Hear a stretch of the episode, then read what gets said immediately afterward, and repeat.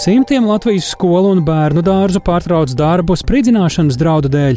Kā uz to reaģē mācību iestāžu darbinieki un vecāki? Pirmās domas, protams, kāds ir pajokojies, ja? bet, kad uh, palasīja, ka tas notiek, cik es saprotu, jau ļoti regulāri, un uh, policija šo vērtē kā zema riska incidentu, mēs nekad nevaram zināt, uh, vai tiešām viņš ir zema riska. Bet kāds ir šādu draudu mērķis? To pēc brīža programmā pēcpusdienā vaicāsim ekspertam.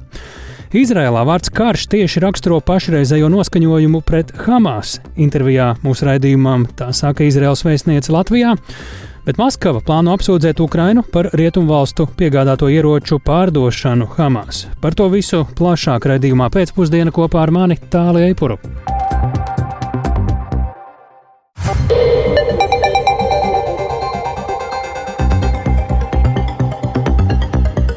Pūkstens rāda 16,5 minūtes, skan pēcpusdienas ziņu programma, skaidrojot šodienas svarīgus notikumus. Studijā tālāk Eipurs, labdien! Un svarīgu notikumu, jāsaka tā, diemžēl netrūks šobrīd turklāt gan Latvijā, gan arī ārpus Latvijas. Šorīt apmēram 300 Latvijas skolās tika saņemti draudu e-pasti par it kā iespējamiem drošības riskiem, līdz ar to daudz vietas skolēnus evakuēja, un mācību diena tika pārtraukta. Daļā izglītības iestāžu gan darbs turpinājās kā ierasts, jo valsts policija jau laikus norādīja, ka saņemtajām draudiem ir zems risks un satraukumam nav pamata. Ar šo informāciju sākumā tā parādījās sociālajos tīklos, pēc tam arī daudz viet citur un tika saņemts arī ziņas no oficiālām iestādēm, plašāk arī ziņoja mēdī, bet vairāk par tematu un par notikumu secību Paula Dēvica. Daļā Latvijas skolu šis rīts iesākās pavisam satraucoši. Tika saņemti identiski ēpasti Krievu valodā, kas informēja par terorisma draudiem. Valsts policijā informē, ka šādu ēpastu saņēma apmēram 300 izglītības iestādēs. Skolu direktori nekavējoties steidza ziņot policijai un pašvaldībai, un daudz viet, ņemot vērā krīzes reaģēšanas plānu, izglītības iestādēs notika evakuācijas un mācību stundas tika atceltas. Arī Arī Mārupes novadā draudus saņēma visās izglītības iestādēs. Pirmie ēpasti pienākuši ap pusdesmitiem rītā.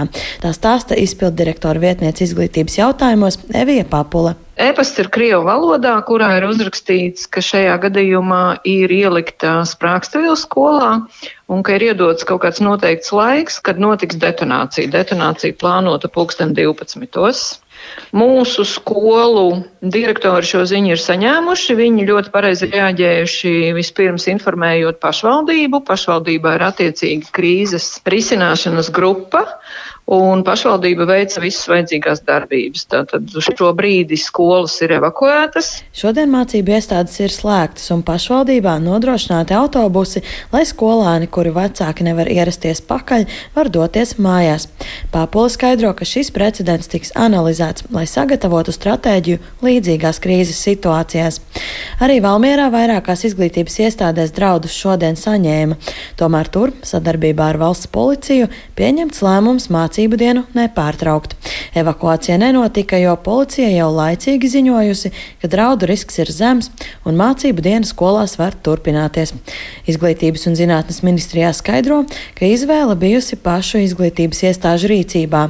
Turpina izglītības departamenta vadītāja Edīte Kanaviņa. Situācijas pašvaldībās un izglītības iestādēs ir dažādas attiecīgi, nu, kurā brīdī informācija ir saņemta un cik informēta tajā brīdī jau izglītības iestāde ir bijusi. Tajā tātad nav nekādas uh, informācijas par to, ka šeit riski ir zemi, tad viennozīmīgi izglītības iestāde rīkojas atbilstoši savam izstrādātam algoritmam. Un tā tas šodien arī ir noticis. Kāna viņa skaidro, ka arī ministrijā saņem informāciju par neapmierinātību vecāku vidū saistībā ar radušo situāciju. Tomēr kopumā diena ir aizvadīta bez incidentiem un evakuācijas noritējušas mierīgi. Arī policijā ziņo, ka diena aizvadīta mierīgi un satraukumam nav bijis pamats. Vienlaikus šobrīd no norisinās darbs, lai atklātu, kas šos ēpastus skolām sūtīja. Tā stāsta policijas priekšnieks Armāns Rūks. Tie nav pavisam kaut kāds uh, parasts uh, cilvēks, kurš nesaprot no jautājumu teiksim, būtību, kas skar kiberdrošību, kiberaizsardzību un arī tādā ziņā, ka uh, pats mērķiecīgi slēpjas, izmantojot teiksim, visus iespējamos dažādu veidu šos risinājums, lai paliktu neatklāts. Tātad, jā, ir šāda darbība, to mēs esam konstatējuši, bet uh, attiecīgi arī varu pateikt, ka mums ir visaugstākās raudas speciālisti, un mēs neesam vieni šajās izmeklēšanās. Mēs arī strādājam kopā ar mūsu ārvalstu partneriem. Vai ēpastu sūtītājiem varētu būt kāda saistība ar Krieviju, pašlaik policijas priekšnieks ne apstiprina, ne noliedz. Lai to noskaidrotu, nepieciešams turpināt izmeklēšanu. Tomēr Ruks atgādina, ka šādos gadījumos e-pasta jāpārsūta policijai un ātrākai rēģēšanai arī likumsargi jāsazvana. Paula Dēvica, Latvijas radio. Bērni ir mierā un drošībā. Tā var teikt par situāciju šodien Baložu bērnu dārzā Avotiņš, kur arī, līdzīgi kā citviet Latvijā, bērnus drauda dēļ evakuēja. Latvijas radio uzrunātie bērnu dārza darbinieki norāda, ka paniku celt nevajag. Savukārt tuviniekiem, lai atbrauktu pēc savām atvasēm, bija steidzami jāmaina dienas plānus. Vairāk Viktora Demidova reportāžā.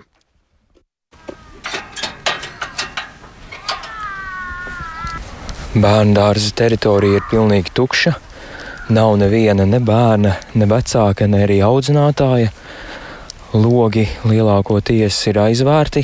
Dodos meklēt, kur tad ir vecāki ar bērniem un audzinātājiem. Pie bērnu dārza avotiņš, kas atrodas baložos, piebrauc pašvaldības policijas mašīna. Tajā pat laikā pie manis tuvojas kāda sieviete. Un jūs būtu audzinātāji?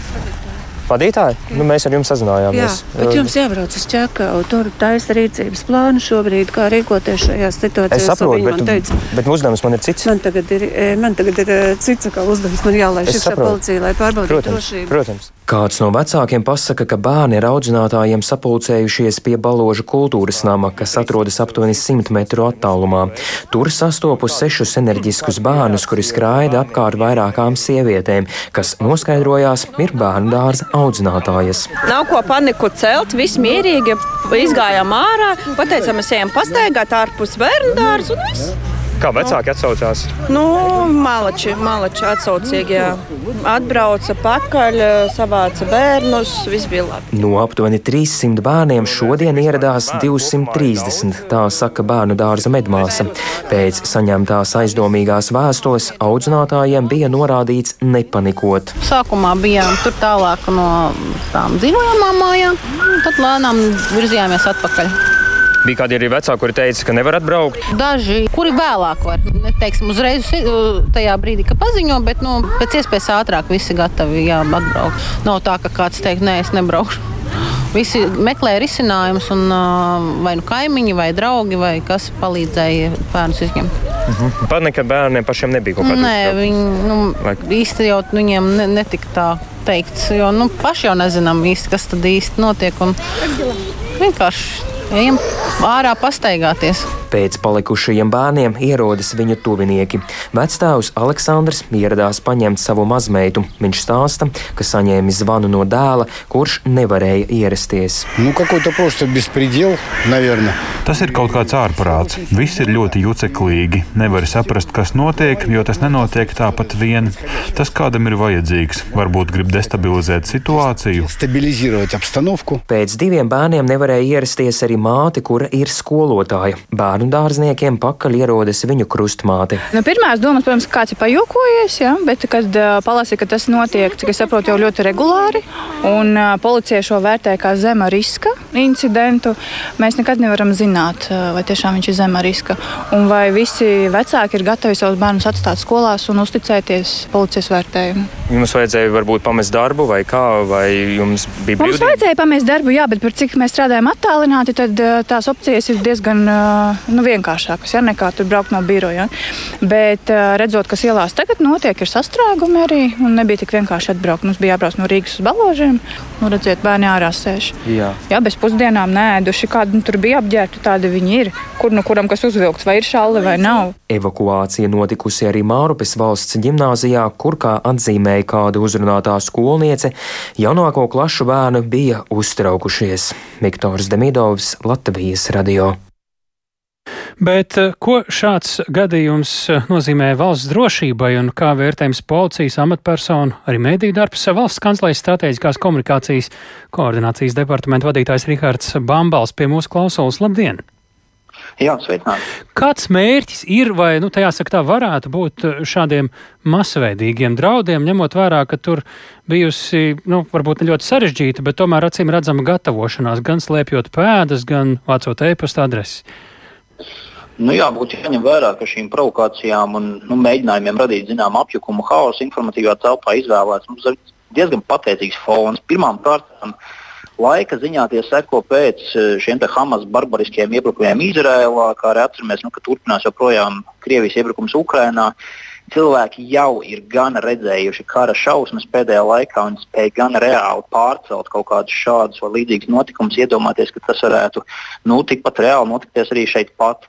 Otrām kārtām izvēlētais mērķis, bērni, to drošība, tas ir sensitīvs un, nu, zināmā mērā patētīgs, lai mēģinātu radīt maksimālas jukas. Un es to noteikti vērtētu kā tādu mērķiecīgu akciju, lai arī bijuši līdzīgi gadījumi iepriekš Latvijā fiksēti, nu, tomēr nekad tas nav bijis mērķēts vienlaicīgi pa tik daudz skolām. Un mērķis šādām provokācijām ir sēt bailes, radīt paniku. Iespējams, mērķis ir bijis arī testēt mūsu sabiedrības un valsts institūciju reakcijas, un savā ziņā arī destabilizēt destabilizēt mūs, atraut mūsu resursus un laiku no ikdienas pienākumu pildīšanas galu galā. Bet es gan gribētu atzīmēt, ka to, ko mēs esam novērojuši informatīvā telpā, ka Latvijas sabiedrības reakcija uz ziņām par šo te, e, skolu potenciāliem spridzināšanas draudiem kopumā vērtējums mierīgi. Līdz ar to arī šie mērķi, lai kādi arī tie bijuši, e, šiem provokatoriem īsti jau sasniegums nav izdevies līdz galam. Mm, jā, kā ir vērtējumi līdz ar to ne tikai Latvijas sabiedrības kopumā, bet varbūt arī atsevišķu tās posmu rīcība, policijas komunikācija, jo mēs zinām, ka ir skolas, kur bijuši evakuācija un bija skolas, kur uztvēra policijas sacīto, ka šis ir zemu draudu stāsts un neevakuējās. Eh, arī mediju telpa, kura parasti klusē par šādiem provokatīviem zvaniem, eh, lai to nevairotu šādu veidu prasmes un tradīcijas. Kā jūs redzat, eh, kā jau zobratiņi, nevis visa sabiedrība kopumā tika galā? Es domāju, ka kopumā diezgan veiksmīgi esam tikuši.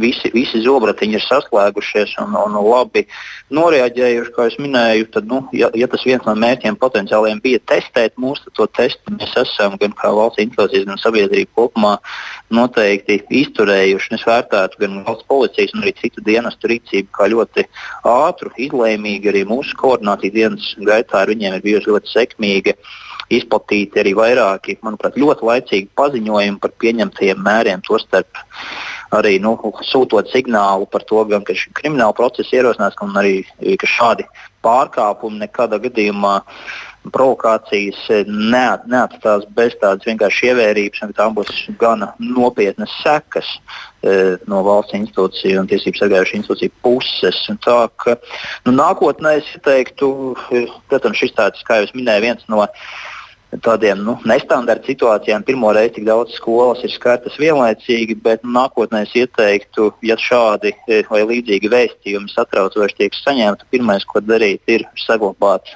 vēsu galvu, vēsu prātu. Un uzreiz arī ziņot e, valsts policijai, sekot arī tādā gadījumā valsts e, policijas nu, norādēm, gal galā par to vēlamo rīcību, rīcības modeļiem. Šobrīd, protams, ka nav oficiāli zināms, kas to ir izdarījis. Ja kādam ir, tad tas katrā ziņā nav publiski. Kā jūs teiktu, par ko liek domāt šāda veida darbība? Vai tas varētu būt teikt, viena vai dažu huligānu stāsts, kuri paspēlējās, vai tas liek, diemžēl, domāt arī par diezgan reālu iespēju, ka tas var būt arī, nu, pieņemsim kādu naidīgu valstu uh, rīkots vai atbalstīts uh, akts?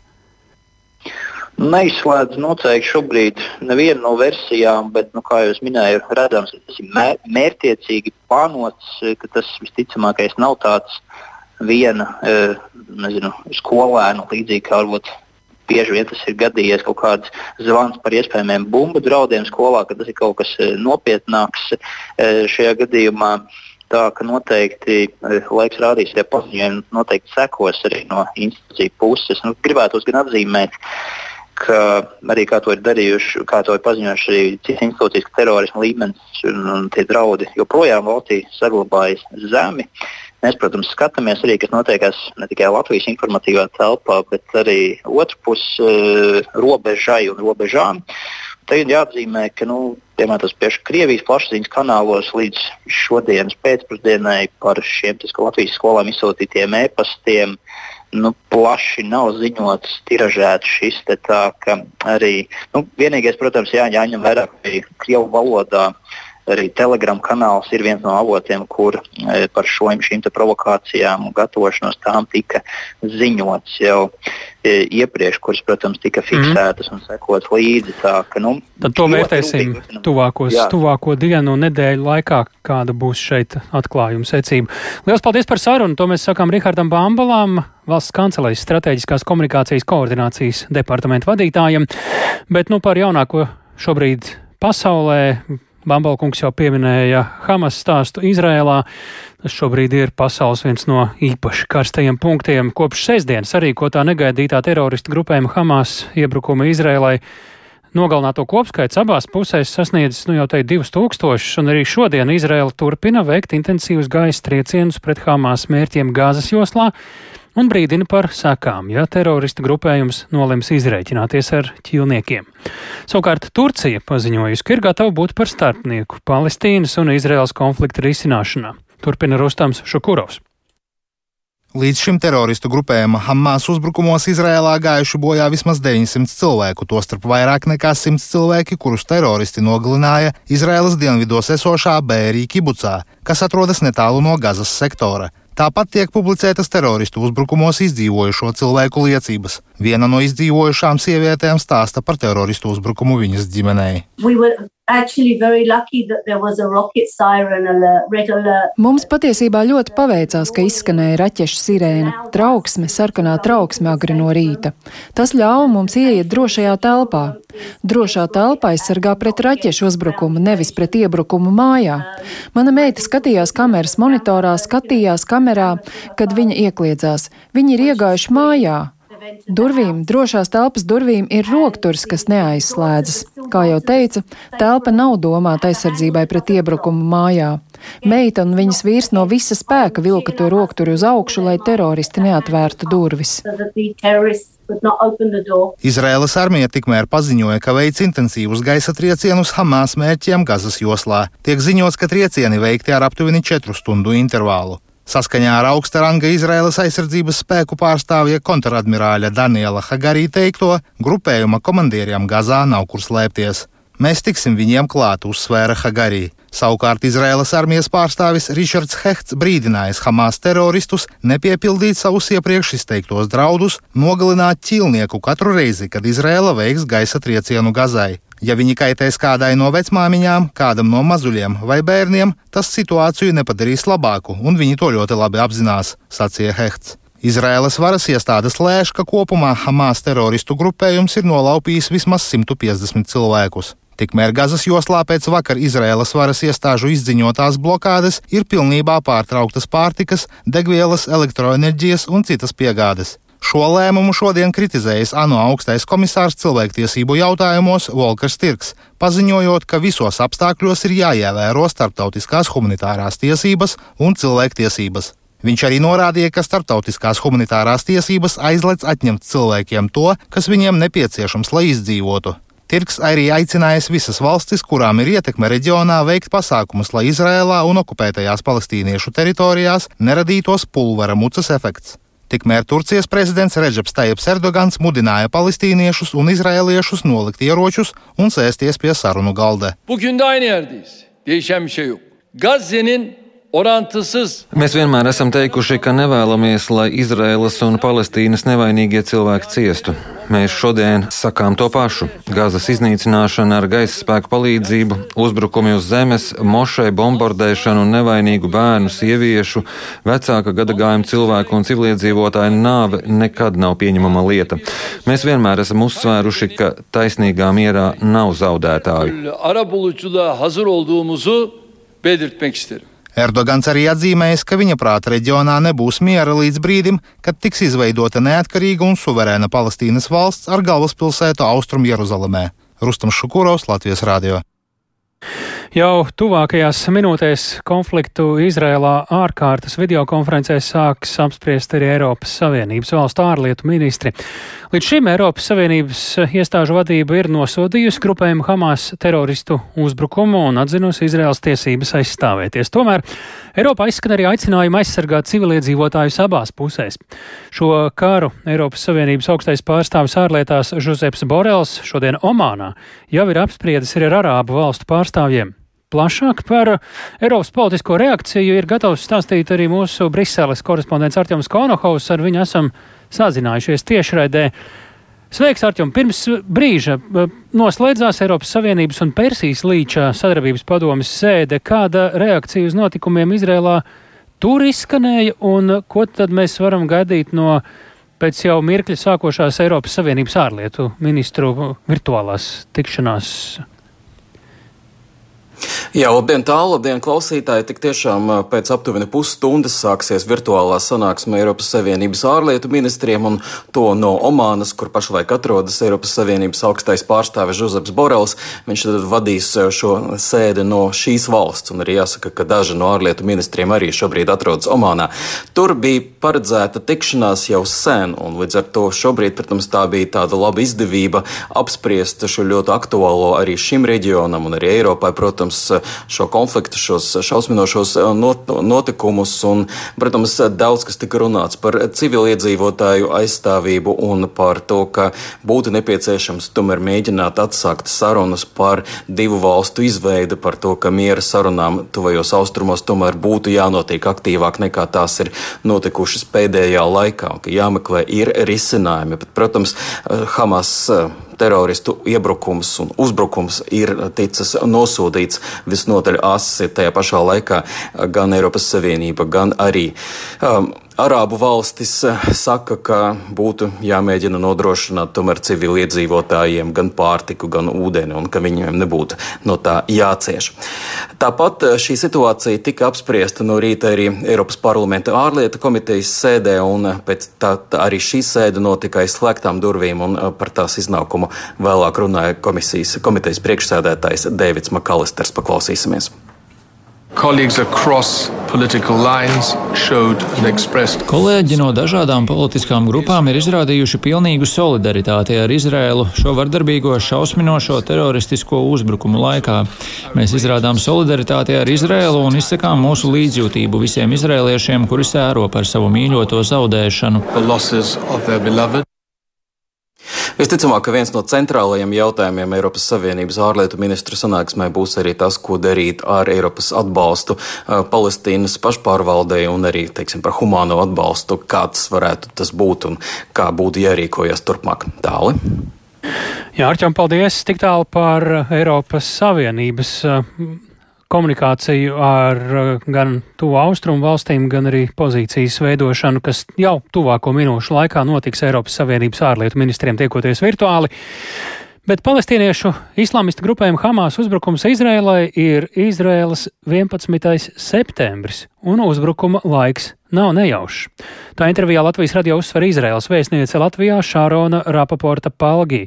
Viņa skaidro, ka sabiedrība ir šokēta, dusmīga un bēdīga par barbariskajiem uzbrukumiem, un viņiem nav šaubu, ka tajos vainojama arī Irāna.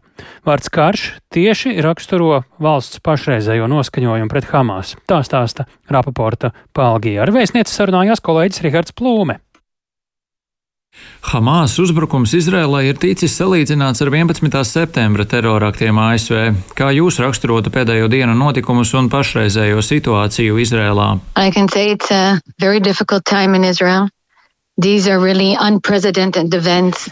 Es varu teikt, ka šis Izrēlai ir ļoti grūts laiks. Šie ir bezprecedenta notikumi, pie kuriem neesam raduši, un to noteikti var raksturot kā Izrēlas 11. septembri. Uz mums tika izšautas vairāk nekā 5000 raķešu. Simtiem teroristu iefiltrējās Izrēlas sabiedrībā.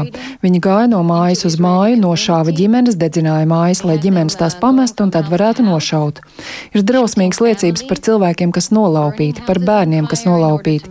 Nolaupītiem veciem cilvēkiem, veselām ģimenēm un zīdaiņiem. Drausmīgi stāsti no jauniešu pulcēšanās dienvidos, kur bija mūzikas festivāls. Līdz šim esam saskaitījuši 260 upurus tikai no šīs vietas, kur jaunieši atpūtās. Vēl 108 tika nogalināti bēri, kibucā, veselas ģimenes. Tāpēc es noteikti varu teikt, ka tas ir milzīga apmēra šausminošs notikums. Vairāk nekā 700 ir nogalināti, vairāk nekā 2000 ir ievainoti un dučiem ir nolaupīti Gazas joslā. Kā pēdējo dienu notikumi ir mainījuši un mainījis Izraēlas sabiedrību un arī iekšpolitiku, kaut vai ņemot vērā premjera Benjamina Netanjahu aicinājumu opozīcijas partijām izveidot Nacionālās vienotības valdību. Israeli society is extremely resilient. Many, many many... Es domāju, ka nākotnē būs daudz laika, lai meklētu izskaidrojumu, bet šobrīd koncentrējamies uz Izraēlas aizsardzību, uz civiliedzīvotāju aizsardzību un pārliecinoties, ka neviens vairs neiefiltrējas, mobilizējam ļoti lielus spēkus dienvidu un ziemeļu pierobežā. Šobrīd esam ļoti iesaistīti šajās lietās un esmu pārliecināta, ka nākotnē būs laiks dziļai izmeklēšanai par to, kas noticis. Bet varu arī teikt, ka šie ir lieli svētki, viena no lielākajiem Izrēlā, un daudz bija aizņemti ar lūkšanām sinagogās, un tas noteikti mūs pārsteidza. Izraēlas premjers ir norādījis, ka tiks dota spēcīga atbilde, un izskatās, ka Izraēla varētu īstenot sauszemes iebrukumu Gazas joslā. Ko šāds uzbrukums atrisinātu? Vai armijas vadītāju un premjera prātos ir arī ilgtermiņa plāns, kā risināt drošības situāciju?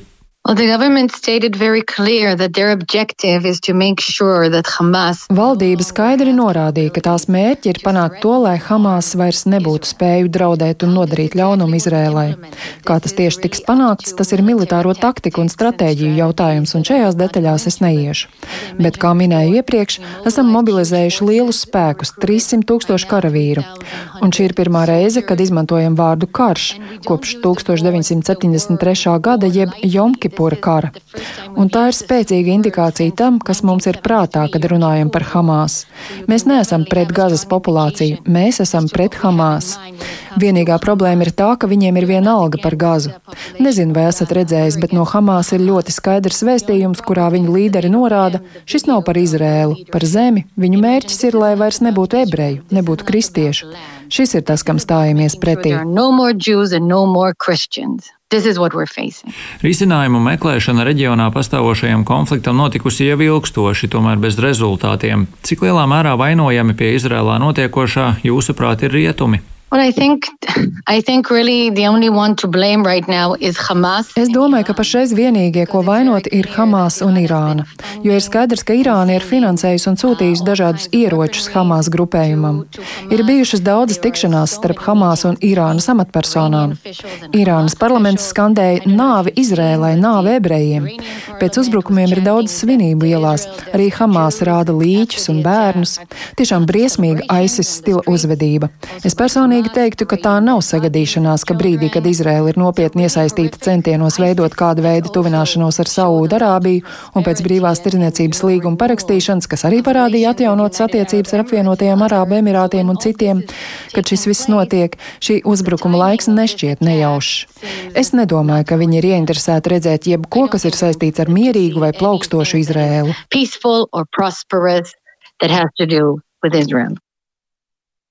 Tā Izraels vēstniece Latvijā Šarona Rapaporta Palgī sarunā ar kolēģi Rihardu Plūmu, bet Izrēlā dzīvo arī latvieši, un Latvijas radio šodien izdevās sazināties ar valsts ziemeļos.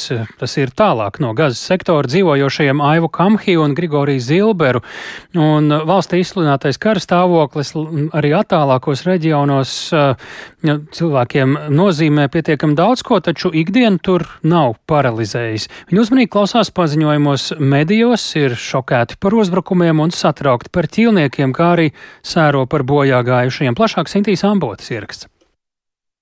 Tas bija šoks Izraēli, jo mums ir tāds dienas, neviens nesaprata, kāpēc tās varēja notikt. Mēs nezinājām, mums sākās karš.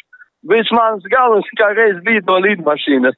Grigorijs Zilbers ar ģimeni vairāk nekā 20 gadus dzīvo Izrēlā pie Sīrijas un Libānas robežas ap 200 km attālumā no Gāzes. Arī šajā reģionā ir dzirdama kara darbība, bet notikumiem Grigorijs līdzi seko vietējos Izraēlas medijos, un viņam jau tapis zināms, ka cietušo un ķilnieku vidū ir arī ģimenes paziņas. Tajā momentā blakus Gāzes sektora bija mūzikas festivāls, un tur bija arī mūsu kaimiņš. Viņš tagad guļ slimnīcā un paspēja ielenkt mašīnu, bet viņam paršava kājas, un bija 2000 cilvēku, un viņi uh, saka šaut tur tajā tieši diskoteka. Viņiem tie ieroči bija Kalašnikova automāti, un viņi saka šaut, un paņēma gusta un pensioniere, kurai bija 84 gadus.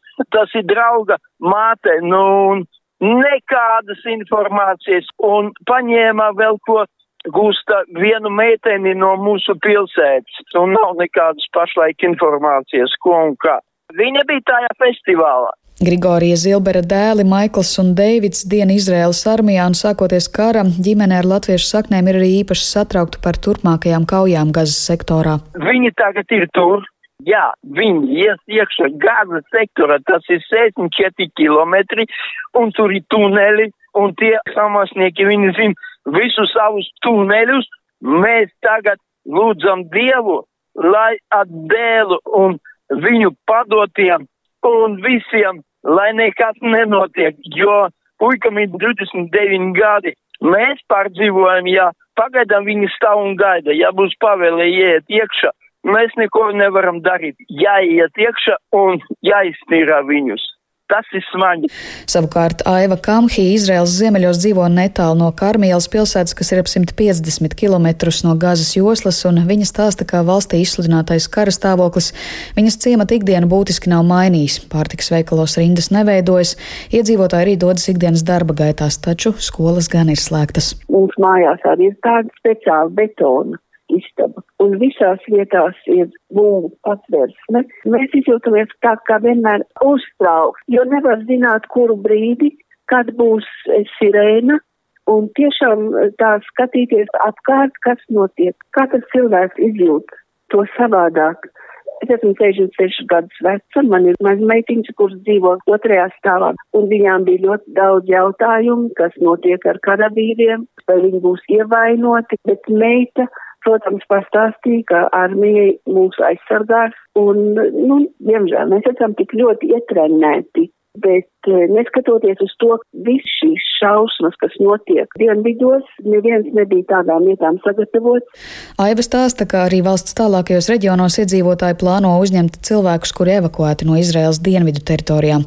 Tāpat ciematā tiek organizēta palīdzība cietušajiem civiliedzīvotājiem un armijai. Vienlaikus iedzīvotājus ļoti satrauc ķilnieku liktenis. Tas ir Hamas teroristu veids eh, ļoti iespaidot mūsu Hamas viņa ar to, kā spēlē. Un tas jautājums ir, kā rīkoties, kā var zināt, kur viņi atrodas. Šajā ziņā situācija ir ļoti grūta. Tik daudz cilvēku tik nogalinātu un tik daudz ir jāapvedī un nevar aiziet uz bērēm. Iedomājieties, ka tur bija cilvēki no visas Izraēlas. Visi ir iesaistīti emocionāli un fiziski, un tas mums šausmīgi atgādina visādas traumas, kur valsts un cilvēki bija iesaistīti. Vienkārši tāds uzbrukums. Tā ir tā sajūta. Sinti Ambote, Latvijas radio. Sarunā ar tur dzīvojošiem, Izrēlā dzīvojošiem latviešiem, bet Krievija gatavojas izmantot palestīniešu teroristiskā grupējuma Hamas iebrukumu Izrēlā, lai īstenotu apjomīgu diskreditācijas kampaņu pret Ukrainu. Ar šādu brīdinājumu nāks klajā Ukrainas aizsardzības ministrijas galvenā izlūkošanas pārvalde, un plašāk par to esam sazinājušies ar Latvijas radio korespondentu Ukrainā Indras Prānci. Sveiki, Indra! Kādas un par ko un kāpēc ir Ukrainas bažas? Labdien! Jā, Ukrainas aizsardzības ministrijas galvenā izlūkošanas pārvalde vakar nāca klajā ar paziņojumu, kurā informē par iespējamību, ka Hamas teroristiskie uzbrukumi Izrā, Izrēlā varētu tikt izmantot liela apmēra provokācijai pret Ukrainu. Proti, ka Krievija varētu būt nodevusi Hamas kaujiniekiem ieročus, kas iegūti kā trofejas Krievijas iebrukuma laikā šeit Ukrainā, un šie ieroči ir ražoti ASV un Eiropas Savienības valstīs. Ukraiņu ieskatā nomalnošanas kampaņas ietvaros varētu parādīties nepatiesas apsūdzības pret Ukraiņiem par rietumu ieroču tirgošanu teroristiem. Un uh, Ukraiņi raksta, ka šīs liecības varētu parādīties kā atmaskojošas publikācijas un uh, izmeklēšanas rietumu medijos, taču tā viss esot Kremļa dezinformācijas kampaņas sastāvdaļa un atbilstoši viņu sniegtajai informācijai Krievijas spēcdienesti šajā dezinformācijas kampaņā pret Ukrainu varētu izmantot arī kādu bijušo Ukraiņu robežu sargu, kurš esot nodevis savu valstu un pārcēlies uz Maskavu. Un kampaņas Kopējais mērķis būtu diskreditēt Ukrainas bruņotos spēkus un panākt ārvalstu militārās palīdzības apturēšanu Ukrainai. Nu, tikmēr ASV Domnīca kara pētījuma institūts paziņojas, ka nav novērojis nekādas pierādījumus, ka Kremlis būtu atbalstījis, vadījis vai arī iesaistīts Hamas uzbrukumos.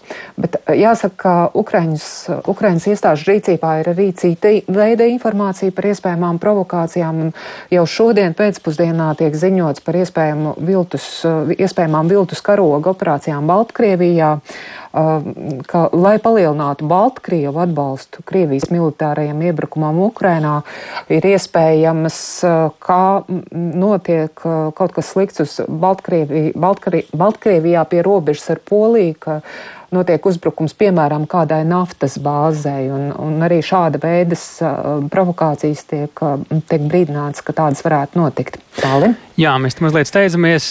Pāriem pie nākamā leņķa, zinot, ka notikumi Izrēlā informatīvi aizēno karu Ukrainā, mēs to neaizmirstam. Kādas šobrīd ir tās svarīgākās, jaunākās ziņas par situāciju frontē? Indra? Ukrainā turpina uz, pretuzbrukumu un Ukrainas bruņotie spēki ziņo par uh, sekmēm Melitopols virzienā un citviet Zaporīžas apgabalā, tāpat arī pie Andrīva, kas netālu no Bahmutas. Uh, sīvas cīņas ar iebrucēju turpinās arī Kupjānskas limānas virzienā, taču uzbrukumi, diemžēl, uh, notiek ne tikai frontē, un paklausamies fragmentu no Ukrainas bruņoto spēku runas vīra Andrija Kovaļo šorīt ziņotā. Російські окупанти продовжують ігнорувати міжнародне гуманітарне право. Krievijas okupanti turpina ignorēt starptautiskās tiesības, īsteno uzbrukumus ne tikai pa Ukrainas karaspēka pozīcijām, bet arī pa civilo infrastruktūru, apdzīvotajām vietām, terorizējot mierīgos iedzīvotājus. Kopumā ienaidnieks veica vienu raķetes un 63 aviācijas uzlidojumus, 48 apšaudes no reaktīvajām sistēmām, kā pa mūsu karaspēka pozīcijām, tā arī pa civilajiem objektiem objektiem. Civilnih objektah našai državai. Un uh, piebildīšu, ka šonakt uh, Krievijas Ukraina radīja arī 36 uh, šahed dronus un 27 no tiem Ukrainas pretgaisa aizsardzības vienībām izdevās notriekt, un tas notika Odesas, mm. Mikolājevas un Hersons apgabalos. Paldies, Indrais Prancē, tiešraidē no Ukrainas, bet mēs turpinām arī ar ģeopolitiku saistītu tematu par iespējamo 2030. gada Ziemas Olimpisko spēļu sarīkošanu Latvijā un Zviedrijā. Šodien sprieda Saimas sporta apakškomisijas sēdē Sigulda. Kopā ar Zviedriju jau uh, nesen kandidēja uz 2026. gada Ziemas spēļu rīkošanu, taču balsojumā piekāpās Itāļiem. Un šoreiz Latvija ir ieinteresēta uzņemt ne tikai bobsleju, skeltonu un kamaniņu sportus, bet arī citus veidus. Un par to šodien uh, studijā mums vairāk ir gatavs pastāstīt Reinis Grons Peņķis. Sveiks, Reini, kāda stadijā šobrīd atrodas ideja par Olimpiskajām spēlēm Zviedrijai kopā ar Latviju un par ko šodien runāja? Sveiks, tālāk, sveicināt klausītāji. Jā, nu sanāksmē tikās Izglītības un zinātnes ministrija un Latvijas Olimpiskā komiteja. Tātad pagaidām vēl ir daudz neskaidrību, taču vienlaikus ar vien nopietnāk tiek runāts par atkārtotas kandidēšanas ieceri. Vai tas patiešām notiks, varētu būt zināms jau ļoti drīz. Līdz 31. oktobrim tiek gaidīts Zviedrijas valdības lēmums dot zaļo gaismu Zviedrijas kandidatūrai. Savukārt līdz 21. novembrim, kad plānota Zviedrijas Olimpiskās komitejas tikšanās ar spēļu organizēšanas komisiju, komisiju ir jābūt oficiāli skaidram, vai arī Latvija būs iesaistīta šajā kandidēšanā. Kā sanāksmē norādīja Loka ģenerālsekretārs Kārlis Lēnieks, viņš vēl sestdien saņēmis apstiprinājumu no Zviedrijas puses, ka uh, ar nevienu citu partneri kā Latviju netiek runāts. Tātad Latvija šobrīd ir vienīgā potenciālā Zviedrijas partnere. Tāpat Zviedru veiktā aptauja liecina, ka septiņi no desmit Zviedriem atbalsta Olimpisko spēļu organizēšanu Savukārt, ja runājam par sporta veidiem, tad šoreiz Latvija vēlas rīkot jā, ne tikai renes sporta veidus Siguldā, bet arī hokeju un šortreku, kas varētu notikt Rīgā. To Latvijas radio apliecināja sporta apakškomisijas vadītājs Dāvis Mārtiņš Daugovietis no jaunās vienotības. Viņu arī klausāmies turpinājumā. Protams, nekas vēl nav gala formātā, bet šobrīd sporta veidi, par kuriem iet runa, kas vēl varētu papildus notikt Latvijā, specifiski Rīgā, varētu būt hokeja grupu turnīrs kādai no grupām un šortraks. Tie ir tieši ar šādu domu, lai arī pilnībā skaidrs, ka ja mēs piedalāmies un mēs saņemam šīs tiesības organizēt, tad būtu nepieciešama Siguldas trases rekonstrukcija, kas būtu ievērojams izmaksas. Tad šie divi sporta veidi, ja viņi notiktu Latvijā, viņi neprasītu papildus infrastruktūras ieguldījumus. Un eh, pēc iepriekšējiem aprēķiniem eh, šobrīd Siguldas trasē ir plānots ieguldīt 58 miljonus eiro, lai to rekonstruētu, un tajā varētu notikt arī bobslēja četrnieku sacensības. Par šo tad vairāk arī informēsim eh, nākamajos raidījumos. Par to noteikti būs runa. Paldies Rēnim Grunspēņķim. Šis bija raidījums pēcpusdienu tāls epurs Lauris Zvejnieks, Renārs Šteimans, Rīta Kārnača bija tā veidotāja. Mēs tiekamies katru darbdienu arī rīt pēc ziņām 4 un 5.